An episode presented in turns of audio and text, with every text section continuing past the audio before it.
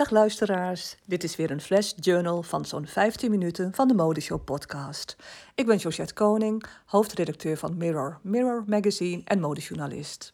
De afgelopen dagen die peilden weer uit van de presentaties. Alsof eh, corona nooit heeft bestaan. Ik bezocht een exclusieve preview van een modecollectie.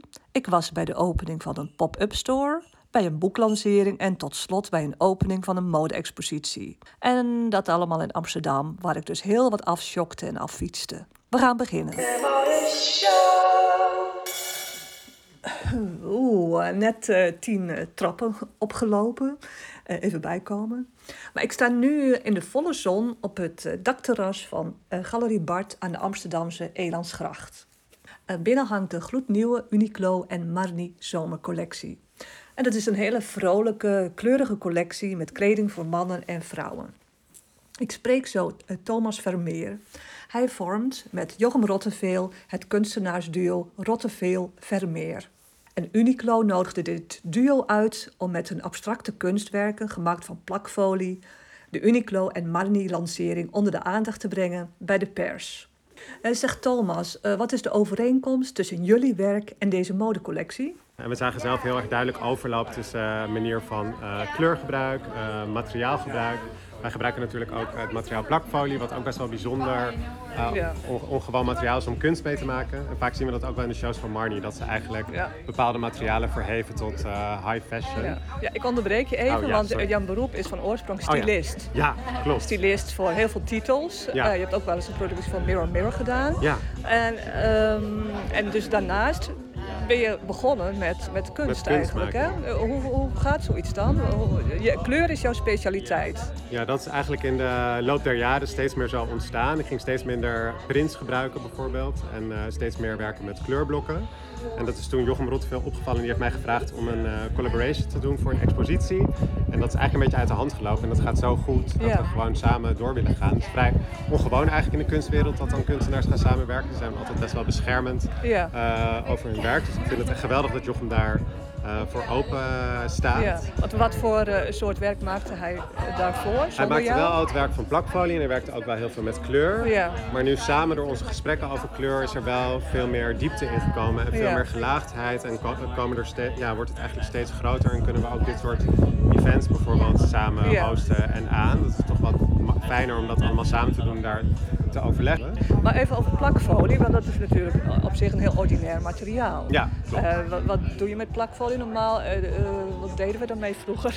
Nou ja, het is eigenlijk heel erg voor interieurs of zo. Als mensen bijvoorbeeld ja. in één keer beu zijn van hun witte keuken, dan zou je bijvoorbeeld je keuken ja, ja, met een soort van marmerplakfolie kunnen beplakken. Ja, precies, dat deed ik vroeger inderdaad, kleur. de tafel. En dat wordt natuurlijk ook gemaakt voor plakletters en zo, dan voor etalages of om dan winkels snel een andere kleur te... te maar wij zien onszelf eigenlijk ook als, als schilders. En schilders die werken natuurlijk ook met verf, wat ook niet per se heel duur uh, nee. is. Wat je nu hebt gedaan, uh, ik zie bijvoorbeeld als ik zo rechtdoor kijk, een, een vierkant van iets van 30 bij 30 denk mm. ik. Uh, met drie tinten. Groen, ja. appeltjesgroen. En hoe ontstaat zoiets? Nou ja, wij proberen wel vaak uh, te kijken wat, uh, wat, voor kleuren naast elkaar uh, werken en eigenlijk iets leren over de kleur. Bijvoorbeeld om twee kleur, je kan twee kleuren naast elkaar zetten die dan, waarvan de ene kleur dan een ander ja. uiterlijk krijgt of zo, omdat er dan pigmenten overvloeien. maar bij dat werk wat je nu net omschrijft is het misschien meer een soort van rond trappetje en eigenlijk was het een soort van onderzoek naar geel wanneer dan iets nog geel is. En eigenlijk proberen we daar ook dat vloergeel wat meer acceptabel te maken. Maar ja, het zijn een soort van ja, 3D-panelen, vrij abstract, die iets leren over kleur. Ja. En dus uh, voor de samenwerking, Uniqlo uh, Marni, uh, jullie hebben de eerste collectie gezien, neem ik aan. Ja. En toen gedacht, van, dan komt het gewoon organisch, vloeit, vloeien de ideeën uit jullie hoofden.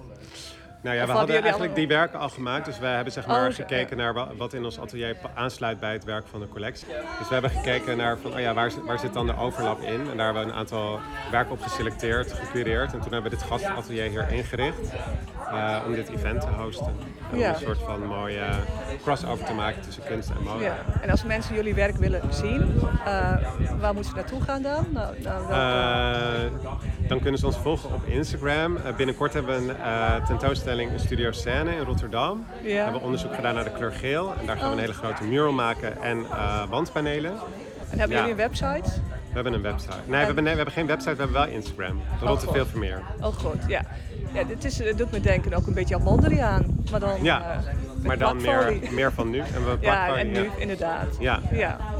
Dus ehm, ja, het is eh, voor mij in de essentie heel fijn om hiermee bezig te zijn met kleur. En ik, kan het, ik denk ook dat eh, we elkaar heel erg versterken en dat mijn styling ook sterker hiervan wordt. Ja. Eh, het gaat veel meer een soort van eh, de diepte in en ik ben veel meer bewuster nog met kleur bezig dan dat ik al deed eigenlijk. Ehm, dus ja, ik vind het een hele mooie samenkomst van, eh, van die wereld. Ik vind het heel mooi dat kleur me op verschillende plekken nu kan brengen en dat, het, ja. dat, het meer, hele eh, dat ik mezelf meer als colorist neerzet ja, dan als stylist Ja, eigenlijk. verrassende wending van een eh, carrière als stylist. Ja, ja. Zo. Nou, dankjewel. Ja, goed luisteraars, eh, The Next Stop. Ik eh, loop eh, op de Prinsengracht en ik nader nummer 455. En dat is, zie ik al, een, een hoekpand. En dat is werkelijk eh, ja, prachtig versierd. Helemaal van onder tot boven met eh, bloemen. Dat moet een enorm werk zijn geweest. Maar het resultaat is geweldig. En wat is het hier druk? En eh, wie zijn al die mensen? Wat doen ze hier? Maar dat zijn natuurlijk eh, allemaal volgers van eh Negin Misalehi. Dat is een van Nederlands grootste influencer met 7 miljoen volgers. In 2015 interviewde ik haar over Gisou. Dat was toen een gloednieuw merk. En het eerste product eh, dat toen werd gelanceerd, dat was een haarolie op basis van honing. Ja, waarom honing? Negins vader is imker, eh, de zesde generatie. En Negin ontwikkelde ook een passie voor bijen en honing. Eh, ze haalde zelfs haar imkerdiploma, dat vertelde ze me destijds. En inmiddels is Gisou een wereldmerk met meerdere producten. En ik ben door haar uitgenodigd voor de opening van de tijdelijke Gisou Pop-up Store. En met hoge uitzondering mag ik, Negin, onder de jaloerse blikken van alle fans twee vragen stellen. Oké, ik ga naar binnen. Is, nou, er zijn eh, weinig influencers die eh, zijn geslaagd om een succesvol merk op te zetten. Het begon ooit met één product. En ja, nu is het een echt merk. Wat denk jij dat, dat het geheim is dat het jou is gelukt? Ik had zelf het idee van nou, dat authentieke verhaal, dat is heel goed geweest. Ik denk hè? dat er een paar factoren zijn. Zeker in die zin het authentieke verhaal. Het is een echt verhaal. Dus Ja. ehm, wat je heel vaak ziet zijn beautymerken die bijvoorbeeld ehm, honing in hun producten hebben verwerkt. Ja. Maar ja, waar komt de honing vandaan? Is het echte honing? Ja. Eh, en ik denk wat eh, social media in die zin bij ons ehm, toelaat, is dat, dat men echt kan zien dat wij een bijtuin hebben. Dat mijn vader echt, oh pardon, dat mijn vader een imker is. Dus in die zin zien zij dat het verhaal echt is en authentiek is. En ik denk ook dat, als je het hebt over waarom is gelukt, denk ik ook dat focus heel belangrijk is. Ik heb nooit de neiging of de ambitie gehad om verschillende dingen naast elkaar te beginnen. Wat je ook vaak ziet is dat er zijn heel veel, ik zeg altijd opportunities, mogelijkheden. En dat is heel moeilijk om die niet allemaal aan te grijpen. Maar ik denk wel, eh, als je over één ding gepassioneerd bent en als je een focus hebt, alleen dan kan je het succesvol maken. In plaats van dat je tien dingen een beetje doet. Ja. Hou ik van focus. Ja, destijds was je bezig met het diploma. Heb je dat gehaald inmiddels? Met bijenhouden. Dat Oh, was- dat zo was- de cursus. Ja. Ja, ja, ja, ja, zeker. Ja, Ja. Maar ik moet zeggen, ehm, dat is best wel standaard. Ik denk de, de echte praktische ervaring, dat leer je wel echt door te werken in de bijentuin met mijn vader. Ja. Want theorie is heel anders dan praktische Ja, precies. Het Ja, zijn ja. toch eh, levende, het is natuur. ja, het is natuur, dus je kan het uit een boekje leren, maar dan kan je eigenlijk nog niet zoveel. Nou, het is echt een succesvol merk. Eh, kun je iets verklappen over de ambitie voor de, voor de toekomst? Wat je nog van plan bent? Ja, kijk, ons, eh, wij willen ons gewoon blijven focussen op echt het bijenverhaal en onze bijenproducten. Ehm, we zijn natuurlijk van alleen haarfocus zijn we ook naar andere bijproducten gegaan. Eh, dan hebben we het over de lipolie. We blijven dat doen zolang het zeg maar logisch is. Dus alleen maar producten. Dus het zal geen make-up zijn in die zin. Nee. Ehm, dus het zijn wel altijd verzorgingsproducten, maar dat hoeft dus alleen, niet alleen haar te zijn. En wij zijn gewoon ehm, ja, bezig met eigenlijk ook eh, echt het stukje van sustainability in de zin van onze producten zo clean mogelijk maken. Eh, Als je het hebt over verpakkingen, als je het hebt over bee-friendly beekeeping eigenlijk. Het is echt niet normaal. Even een compliment over de pak, verpakking, want die ziet er geweldig uit. Dat heb je echt heel goed gedaan. Dankjewel. Ja, we lanceren ook niet heel veel producten, maar elk product wat we lanceren, dat wordt wel over nagedacht, Ja. zeg maar. Ja, ja. Nou, dankjewel. ja, jij ook bedankt. Succes met je Ja, jij ook succes. Ik ben ook wel, ik ga nog wel eventjes door je magazine. Ja, dankjewel. Meer, meer. Even op de Leuk. foto nog. Nieuwe dag, nieuw event en dat is een boeklancering. Ik loop nu in de overdadige luxe lobby van Hotel de l'Europe. Ik spreek hier zo Amanda Rijf. Eh, zij is onder andere beauty-expert. En zij lanceert zo haar eh, tweede boek. En dat heet Innerlijke Schoonheid. Ik ga nu op zoek naar Amanda. Het is hier gezellig druk. Ja, ik zie haar, ik zie haar. Ze draagt eh, een geel pak. Nou, gefeliciteerd met, eh, met je boek, je tweede alweer. Je bent heel veelzijdig. Je bent visagist, eh beautyjournalist, eh lifestyle coach, voedingsdeskundige. Mis ik nog iets? Nee, ik denk het niet. Ja, wel compleet. Ja. Ik denk dat je compleet Ja, nou, dat is het boek. Dat is het boek wat ik nog niet heb kunnen lezen. Kun je er iets over vertellen? En- Ja. Innerlijke schoonheid gaat over de balans tussen de binnenkant en buitenkant. Dus voor mij eh, eigenlijk begonnen vanuit een persoonlijke zoektocht naar een gezonde balans. Waarbij eh, ja, als je de werkdruk bijvoorbeeld hoog is, dat je Ja. wel je rust weet te vinden en dat je vanuit dat punt ehm, weer verder gaat. Dus dat dingen nooit te veel zijn. Maar innerlijke schoonheid gaat voor mij ook over eh, geluk zoeken. Wat werkt voor jou? Wa- Waar, hoe vind je geluk? En het gaat beyond eh, bijvoorbeeld uiterlijke aspecten.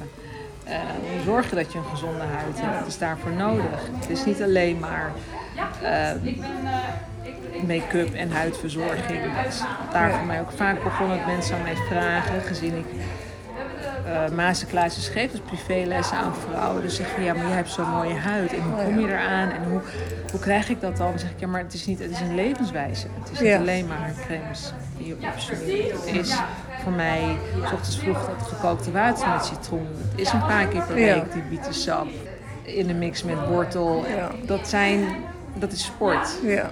Maar wanneer is bij jou dat kwartje gevallen? Of, of was je er altijd al mee bezig? Of was er echt een moment? Of, of dat je dacht, oh, ik doe toch iets helemaal fout. Ik moet iets gaan Het is doen. mij met de paplepel eigenlijk al Oh. ingegoten, vanaf als klein meisje al. Ehm, was mijn moeder daar onwijs mee bezig. Dus ik kreeg al op mijn zesde bietensap, wat ik heel vies vond. Dus mijn moeder lacht me nu zo'n beetje uit. Op een gegeven moment zat ik eh, wel in een fase waarbij ik continu in een zesde versnelling zat. Waardoor ik echt even bij mezelf te raden moest gaan van hoe kan ik ervoor zorgen dat ik in een betere balans kom. Want dit is gewoon niet vol te houden. Dus nogmaals, in persoonlijke zoektocht ben ik eigenlijk achtergekomen dat ik beter moest gaan eten, meer moest gaan bewegen, veel sporten, minder eh, laptopuren hebben. En dat werkte voor mij gewoon heel erg goed. En dat ging ik ook zeg maar zien aan mijn huid. Door iedere dag die kopjes water met citroen, dat je jezelf opschoont. Ja. Waardoor je gewoon meer, eh, je huid gewoon echt meer gaat stralen. Dus ik, het is een combinatie van verschillende dingen. En ik zeg altijd, je moet kijken wat voor jou werkt. En ik probeer mensen gewoon adviezen en inzichten te geven. Met behulp van experts. Zoals hè, een orthomoleculair specialist die dan echt eventjes naar de darmkant kijkt van het Ja. verhaal. Hè. Omdat het ook ontzettend belangrijk is. Een gezonde darm en dan, dan krijg je ook geen mooie huid van. Ja. Bijvoorbeeld. Dat weten heel veel mensen niet. Dus daarom moeten ze natuurlijk ook dit En daarom eh, is het heel boek eh, gaan kopen. Ja. Op gebied van eh, voeding, wat is, zou je beslist niet aanraden? Wat doen mensen heel vaak fout? Te weinig groenten. Oké. En te weinig eh, variatie in hetgeen wat ze eten. Vaak eten ze waar ze trek in hebben en wat ze lekker vinden. Maar het is wel goed om eh, een beetje van alles te doen. Maar vooral de groenten niet te vergeten. En het is heel goed om gewoon juist lekker seizoensgroenten. Die zijn vaak toch wat lekker. Die kan je het makkelijkst gewoon op de markt kopen. En dat in je vaste patroon te Ja. mengen. Zorg dat het continu terugkomt. In de mindset, daar Absoluut. draait het om. Ja. Heel erg bedankt. Het boek eh, is uitgegeven bij Cosmos. Kosmos uitgevers En wat is de prijs? 24,95. Oh, goed. Het is een hardcover. Ja, het ziet er mooi uit. Nou, dankjewel. You're very welcome. Ik loop nu op het Rokin richting het Fashion for Good Museum. Dat zit gevestigd in een prachtig historisch pand. En heel vroeger zat hier uh, Herensociëteit het Leesmuseum. Opgericht, ik denk uh, begin 19e eeuw, ter bevordering van het lezen. kennen jullie het Fashion for Good Museum? Het bestaat nog niet zo lang, dus het kan wel wat aandacht gebruiken. Fashion for Good staat trouwens helemaal in het teken van duurzame mode. Ik ben uh, nu iets aan de late kant en ik vrees dat ik de officiële opening net heb gemist. En de nieuwe expositie die heet trouwens Fashion Week, een nieuw tijdperk. En dat gaat onder andere over de invloed van de Fashion Weeks op het modesysteem. Ik ben nu binnen en zie meteen al een ontwerp dat ik herken van Ronald van der Kemp. Ja, werkelijk. Hij excelleert in het omtoveren van uh, trash naar couture. Ga kijken, dan, dan zie je dat ook. En kijk, daar loopt Gwen Bone. Uh, zij is de general manager van het Fashion for Good Museum. Ik ben nu in het uh, museum. Fashion for Good Museum? Ja, precies. En ja. ik wil je graag iets vragen over deze nieuwe expositie. Kun je iets over vertellen wat er te zien is? Waarom moeten mensen hier naartoe? Het is een, uh, een tentoonstelling heet Fashion Week, een nieuw era. Waarin we gaan kijken van wat de invloed is van Fashion Week op het modesysteem. En dat doen we door middel van uh, een duik in de historie van Fashion Week. Dus wat, hoe is de eerste fashion show ontstaan tot de Fashion Week? Uh, wie waren de founders? Waarom? Wat heeft het gedaan met het hele retail systeem eigenlijk ook? Yeah. Um, en daarmee ook de hele fast fashion invloed. En daarmee keken we ook meteen naar de toekomst. Laten we een aantal voorbeelden eigenlijk zien van andere manieren van Fashion Week. Dus digitaal is natuurlijk de hele metaverse. Is dat een oplossing? Ja of nee? Dat is natuurlijk de vraag. Ja, het kan beide tegenwoordig. Kan beide. De, daar ja. kiezen mensen vaak voor Ja. ook. Ja. Ja, zeker. Je maakt het daarmee ook meteen toegankelijk voor een groter publiek. Want vroeger was natuurlijk een Fashion Week iets heel eh, exclusief. Nog steeds. Nog steeds. Ja. Waardoor dat, eh, volgens mij was Alexander McQueen de eerste die het een keer livestreamde.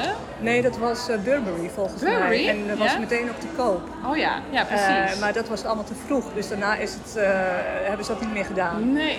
En dan wordt het ook daarmee een heel ander systeem. Een meer Ja. democratisch systeem misschien Ja. ook. En bepaalt niet meer de ontwerper wat de mode is, maar heeft de consument ook invloed. Eh, Ja, ik zag laatst weer de, de Pucci show. Dus die was, alles wat te zien was, was ook meteen eh, te koop. En dat Ja. was nu wel uitverkocht. En destijds Ja. was het kennelijk te vroeg. Oh Dus ja. zo zie je hoe belangrijk de timing is. Ja, heel. Ja, want Ronald van der Kemp, hij eh, exposeert hier ook. Die vertelde net dat hij bij een van- zijn vorige banen, bij Wolford, al 15 jaar geleden of zo, ja, dat ze aan het experimenteren waren met Oh, de joh. 3D. Ja. ja. En, en toen is het weer gestopt. Ja, Dus voor alles een tijd. Ik denk Ja. ook dat er heel veel gaande is eh, in ontwikkeling wat mensen ook niet weten. Nee.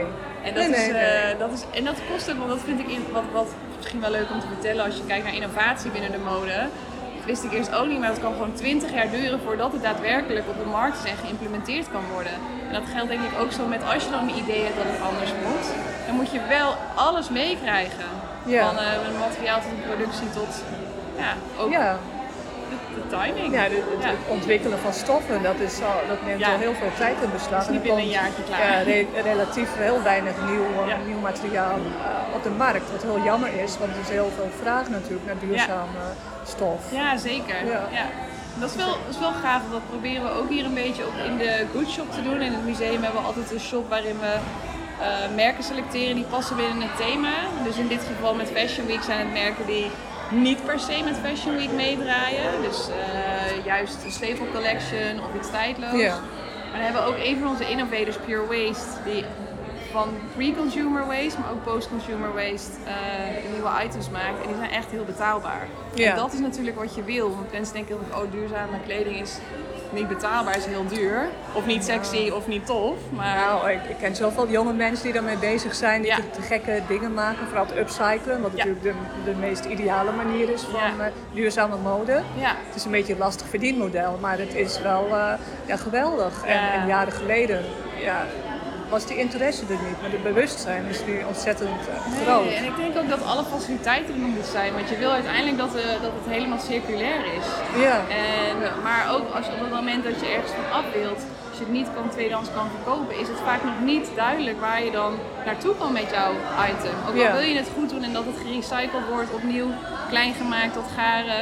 Een stuk idea een ideaalbeeld, maar alle, ja, we zijn er nog niet. Nee, maar er wordt heel eh, hard aan gewerkt Ja. met, door heel veel enthousiaste designers Ja. en, en merken. Dus eh, Ja. ik zie de toekomst wel heel eh, ja, goed tegemoet op dit vlak. Ik hoop het. Er is in ieder geval genoeg gaande. En als we met z'n allen een beetje, een beetje nadenken. Ja. Maar ik ga de expositie bekijken. Leuk. Ik kwam net binnen natuurlijk, dus ik ben heel benieuwd. Leuk. Dankjewel. Plezier.